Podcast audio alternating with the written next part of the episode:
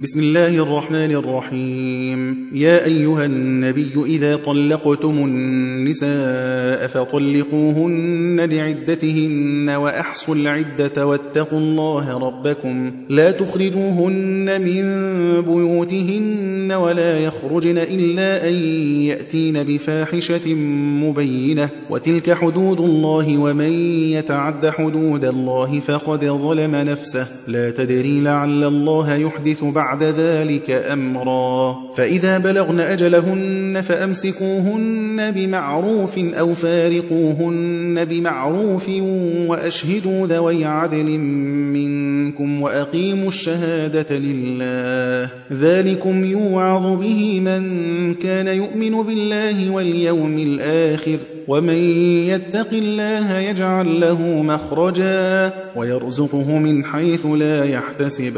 ومن يتوكل على الله فهو حسبه إن الله بالغ أمره قد جعل الله لكل شيء قدرا واللائي يئسن من المحيض من نسائكم إن ارتبتم فعدتهن ثلاثة أشهر واللائي لم يحضن وأولاة الأحمال أجلهن أن يضعن حملهن ومن يتق الله يجعل له من أمره يسرا ذلك أمر الله أنزله إليكم ومن يتق الله يكفر عنه سيئاته ويعظم له أجرا. أسكنوهن من حيث سكنتم من وجدكم ولا تضاروهن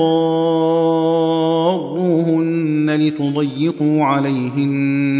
وإن كن أولات حمل فأنفقوا عليهن حتى يضعن حملهن فإن أرضعن لكم فآتوهن أجورهن وأتمروا بينكم بمعروف وإن تعاسرتم فسترضع له أخرى لينفق ذو سعة من سعته ومن قدر عليه رزقه فلينفق مما آتاه الله لا يكلف الله نفسا إلا ما آتاها سيجعل الله بعد عسر يسرا وكأي من قرية عتت عن أمر ربها ورسله فحاسبناها حسابا شديدا وعذبناها عذابا نكرا فذاقت وبال أمرها وكان عاقبة أمرها خسرا. أعد الله لهم عذابا شديدا.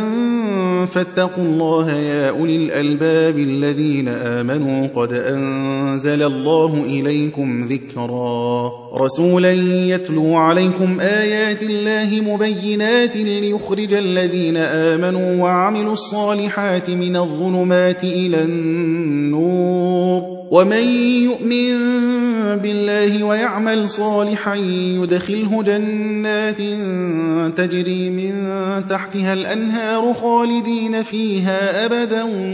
قد أحسن الله له رزقا. الله الذي خلق سبع سماوات ومن الأرض مثلهن. يتنزل الأمر بينهن. لتعلموا أن الله على كل شيء قدير وأن الله قد أحاط بكل شيء علما.